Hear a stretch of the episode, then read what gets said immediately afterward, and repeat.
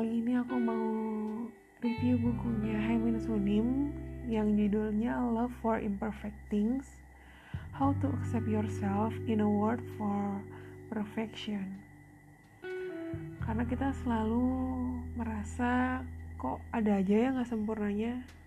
Entah diri kita atau lingkungan kita Keluarga kita atau melihat orang lain. Kayaknya ada aja yang kurang Nah, di buku ini, Hemin Sunim mencoba untuk mengajarkan kita bagaimana sih cara menerima ketidaksempurnaan itu. Dan dia membagi penjelasannya dalam 8 bagian. Yang pertama self-care, kemudian ada family, empathy, relationships, courage, healing, enlightenment, dan acceptance kira-kira apa aja ya tipe-tipe ketidaksempurnaan yang kita hadapi sehari-hari yang bikin kita nggak happy, bikin kita nggak puas. Di antaranya itu adalah ketika kata-kata kita sering berbeda dari apa yang kita lakukan, dari action kita gitu. Kemudian dari relationship kita yang berantakan karena kesalahan kita, atau bisa jadi soal rencana masa depan kita yang tiba-tiba gagal berantakan. Atau dengan kita melihat orang lain ngelihat anak kecil yang nggak dengar orang tuanya dan it makes us feel sad to see. Dan ngelihat orang tua yang nggak paham dengan anak-anaknya juga kadang suka bikin kecewa. Kita ngelihat kemudian kita bisa aja ngelihat teman dekat kita yang punya kebiasaan buruk. Dan akhirnya bikin kita worry tentang kesehatannya atau masa depannya. Dan ada lagi rasa kecewa terhadap berita-berita yang kita lihat di televisi yang makin hari bikin kita makin sedih atau eh, nggak uh, optimis tentang masa depan negeri gitu misalnya dan pada akhirnya uh, ketidaksempurnaan ini melihat membuat diri kita jadi merasa bersalah, feeling guilty, kemudian ada rasa menyesal juga. Padahal setiap ketidaksempurnaan itu ya nggak bisa kita apa-apain juga. We cannot help but love them gitu ya. Bagaimana kita bisa nerima ketidaksempurnaan itu dengan baik. Di bagian self care di sana Haimen Sunim bilang katanya baik itu boleh tapi jangan ke orang lain dulu. Baiklah ke diri kamu dulu baru deh. Setelah itu baru baik ke orang lain jadi menurut kamu definisi orang baik itu apa sih? Kalau dilihat dari apa yang kita alami setiap harinya, orang baik itu adalah orang yang menuruti apa pun yang diinginkan orang lain sampai dia mengesampingkan keinginannya sendiri. Dan pada suatu saat, ketika orang itu diperlakukan secara tidak adil, dia tuh sampai nggak tahu gimana nih cara mengekspresikan ke tidak senangannya sampai akhirnya the anger kemarahan itu tuh terperangkap di dalam badan dia gitu. Dan it's not good. Makanya kita tuh harus belajar nolak belajar membatasi belajar bilang tidak kalau misalnya kita memang gak berkenan.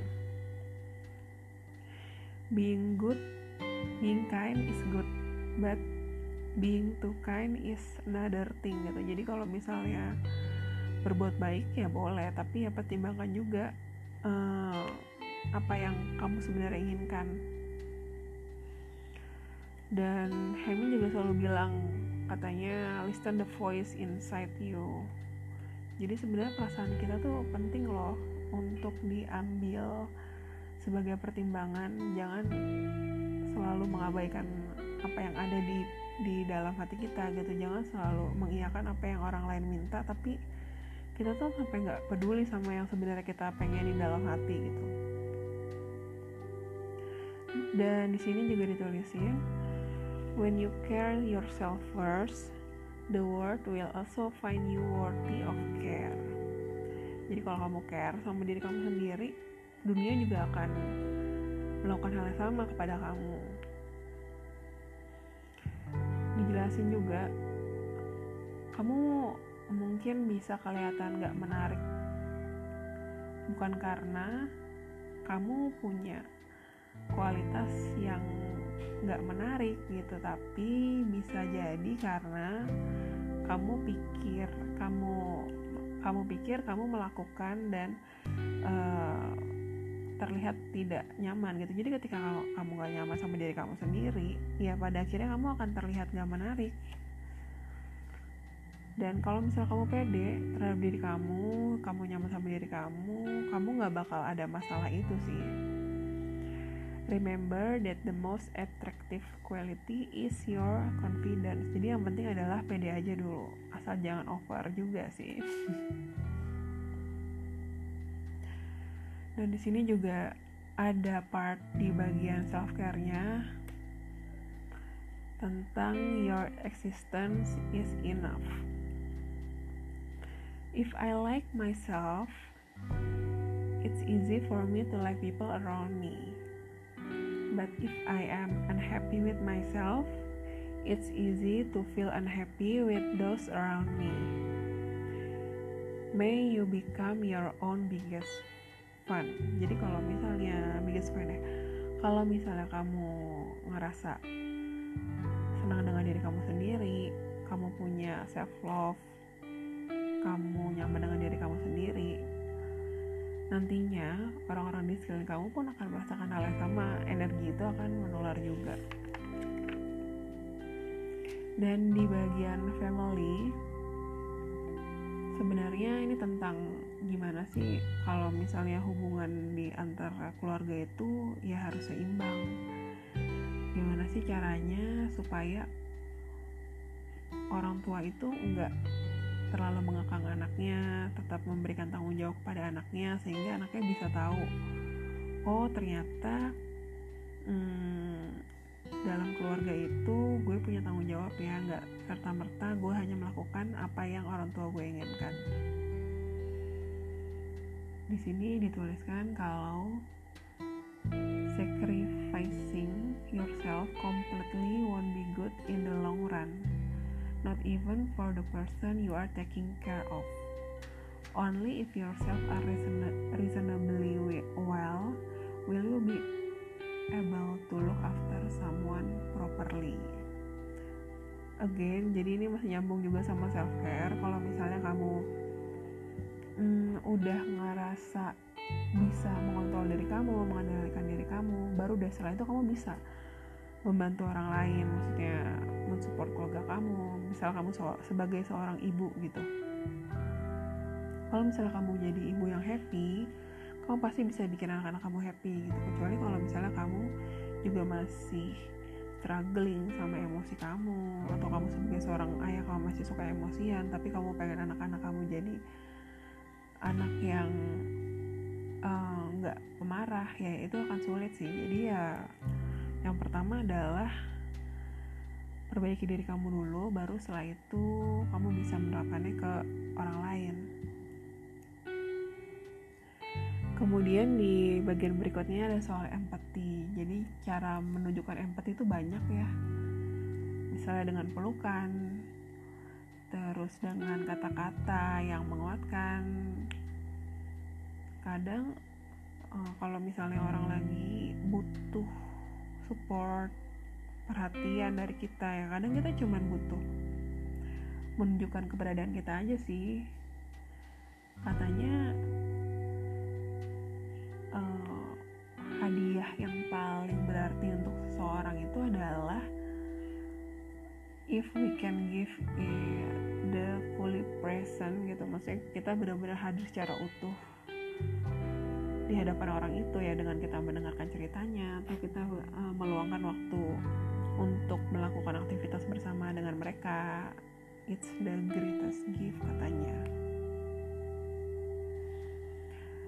Dan di sini juga sempat diceritakan katanya kalau misalnya ada uh, entah family kamu atau teman kamu yang melewati hari yang berat atau hal-hal yang berat ya berikanlah pelukan yang hangat karena itu bisa memperpanjang umur mereka dan umur kamu juga gitu. Jadi segala hal baik itu pasti energinya akan menular.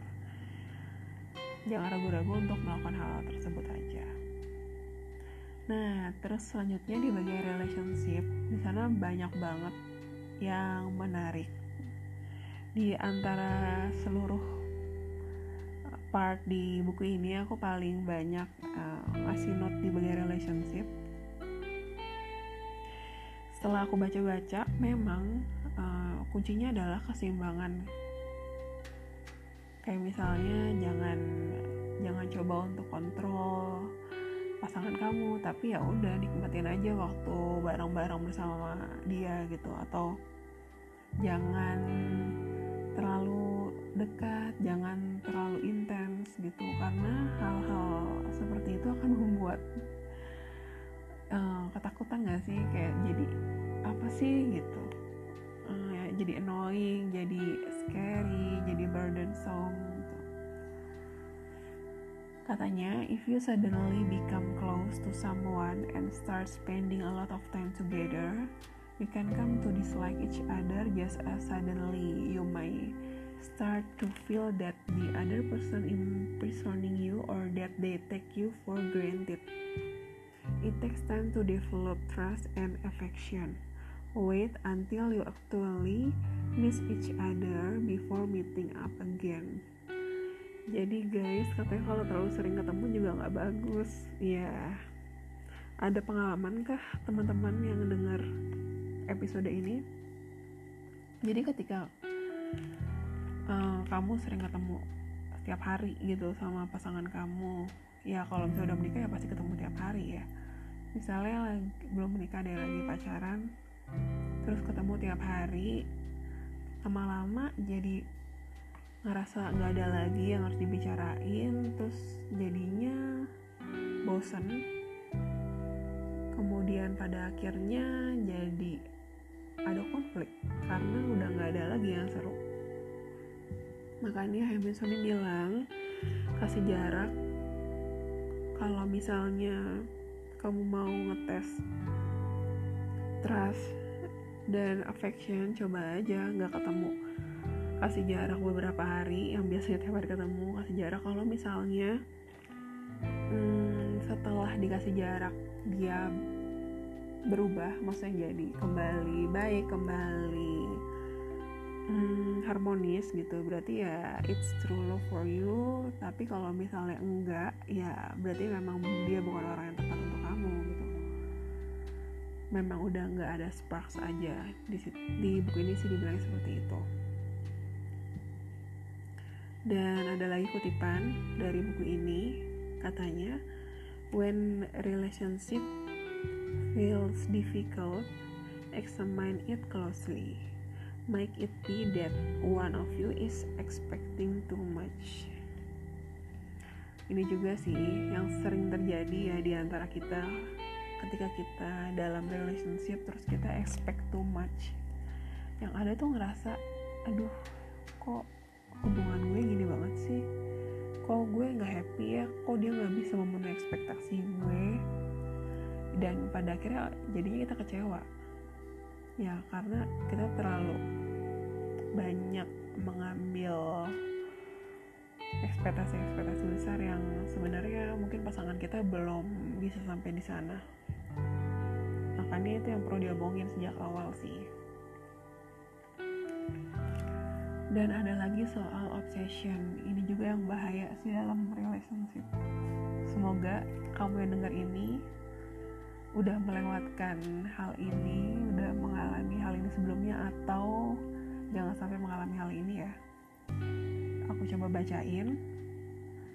Obsession feels a lot like love but of course is not love with obsession unlike with love you you feel the subtle selfish desire to manipulate the other person according to your wishes. While love lets the other person be obsessions one's control. Jadi obsesi sama cinta itu kadang mirip banget dilihat sekilas tapi kalau dilihat lagi ini beda banget. Obsesi itu bikin kita pengen ngubah pasangan kita pengen manipulasi dengan ego kita gitu. Dan pada akhirnya bakalan jadi panas banget sih hubungan hubungan kita bukan soal compassion tapi jadinya malah kayak saling maksa diri untuk berubah padahal mungkin pasangan kita belum pengen berubah atau segala hal kan butuh proses ya. Ketika kita maksain untuk dia sesuai jadi apa yang kita inginkan hati-hati jadinya malah kayak obsesi bukan love. Dan di selanjutnya ini ada yang bagus juga dari buku ini. Do not think of yourself as a crescent moon waiting for someone else to fill in the missing part of you when you stand alone like a full moon, already complete in yourself, you will meet another person who is whole and compatible. Eh, sorry, complete just like you. And between you two, a healthy relationship can grow. Ini persis kayak yang sering kita dengar juga, uh, kayak misalnya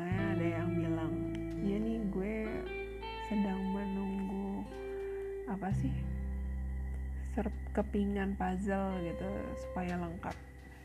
Sementara Hamilton ini bilang jangan jadi spot apa sih? Jangan jadi bulan yang belum utuh gitu. Jadilah bulan yang utuh. Jadilah full moon. Dan nantinya kamu tuh akan merasa lengkap dan akan lebih mudah menemukan bulan yang lain, full moon yang lain yang nantinya kalian akan menjadi uh, pasangan yang memiliki healthy relationship yang bisa tumbuh gitu. jangan merasa apa jangan merasa iya nih gue nggak lengkap makanya gue butuh pasangan tapi jadilah orang yang utuh dulu sampai akhirnya kamu bisa menemukan orang utuh lainnya yang sama-sama siap untuk menjalin relationship yang sehat. Dan ada lagi Oh, yang lanjutan yang tadi. Seperti yang tadi aku udah sampaikan, do not try to fit yourself to each other to make one whole moon. Instead, be more like two full moons you will respect each other individually and interest individuality and interest while, while creating a relationships in which each of you shines brightly on the other. Itu dia. Jadi kalau misalnya kamu sendiri udah ngerasa lengkap terus kamu ketemu pasangan kamu yang juga lengkap udah uh, merasa cukup dengan dirinya it will be a healthy relationship. Dan ada lagi di sini ada lucu juga sih. Hmm, ada perumpamaan. Kayak semua tuh memang harus cocok-cocokan ya. Misalnya sushi sama green tea itu cocok itu enak. Tapi kalau misalnya sushi sama Coca-Cola jelas itu berbeda dan mungkin gak cocok. Kayak gitu. Jadi kamu ya carilah pasangan yang sesuai sama kamu. Kalau misalnya nggak cocok jangan dipaksain. Di bagian lain ada tentang courage. Ini tentang ini sih gimana kamu harus lebih berani. Kalau misalnya ada kesempatannya diambil aja jangan takut gagal karena kegagalan itu adalah bagian dari proses kehidupan juga. Terus kalau misalnya kamu bingung aduh mulai dari mana nih? Ya udah mulai aja dari hal-hal yang kamu sukai yang kamu rasa kamu bakal happy ngelakuinnya itu bakalan lebih mudah. Dan ada lagi soal ini. Don't don't assume another bus will be coming. Sometimes the roads will have changed. Kadang kita suka mikir ah nanti juga ada kesempatan lainnya gitu. Ya mungkin kesempatan lainnya akan ada tapi tujuannya beda gitu. Jadi kalau misalnya kamu ngerasa dari depan ada kesempatan yang bagus cobain aja. Masalah gagal atau enggaknya itu jadi bagian dari proses kehidupan again jangan pernah takut untuk mencoba.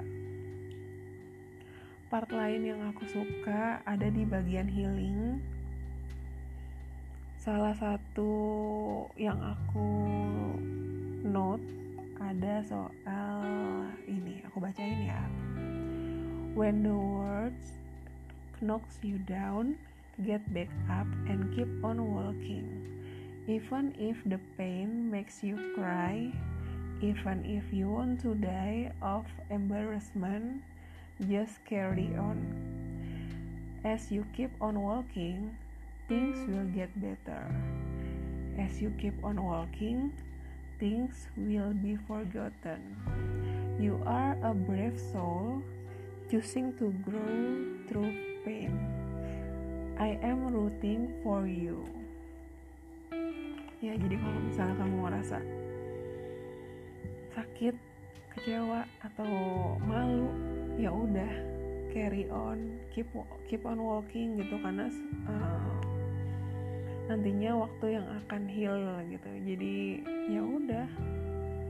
Mungkin sekarang kamu malu tapi pada akhirnya waktu akan membuat segalanya terlupakan. Dan akan banyak hal-hal lainnya nantinya yang lebih penting untuk dibahas yang akan diperlihatkan dan segalanya akan menjadi lebih baik di waktu yang tepat gitu. Ketika baca buku ini aku tuh kayak lagi baca bukunya Teach Han yang How to Fight tapi versi lebih lengkap karena isinya kurang lebih bahasannya sama. Dan memang di buku ini juga mengutip beberapa quote dari Teach Not Han juga karena mereka sama-sama sama-sama ini ya apa namanya dari Buddhism juga. Buku ini cocok buat kamu yang lagi ngerasa kecewa sama apa yang terjadi di sekeliling kamu kamu bisa baca buku ini. Tapi kalau aku pribadi aku lebih suka baca yang buku Hemi Sunim yang sebelumnya. How to See the World ya eh, How to See in the Busy World yang aku pernah review di episode sebelumnya aku lebih suka itu Hmm, tapi buku ini juga worth to read, bisa dibaca pas lagi senggang, apalagi pas lagi banyak waktu di rumah. Coba deh baca. Dibaca pelan-pelan dan bisa juga dibaca secara loncat-loncat sama kayak buku Hemin Sunim yang sebelumnya. Karena menyenangkan banget, apalagi dibaca ketika mau tidur. Supaya apa yang kamu terima dari buku ini bisa langsung ter simpan dengan baik di dalam otak kamu. Kira-kira sekian dari episode kali ini. Sampai ketemu di episode selanjutnya dengan buku yang lebih seru ya. Dadah.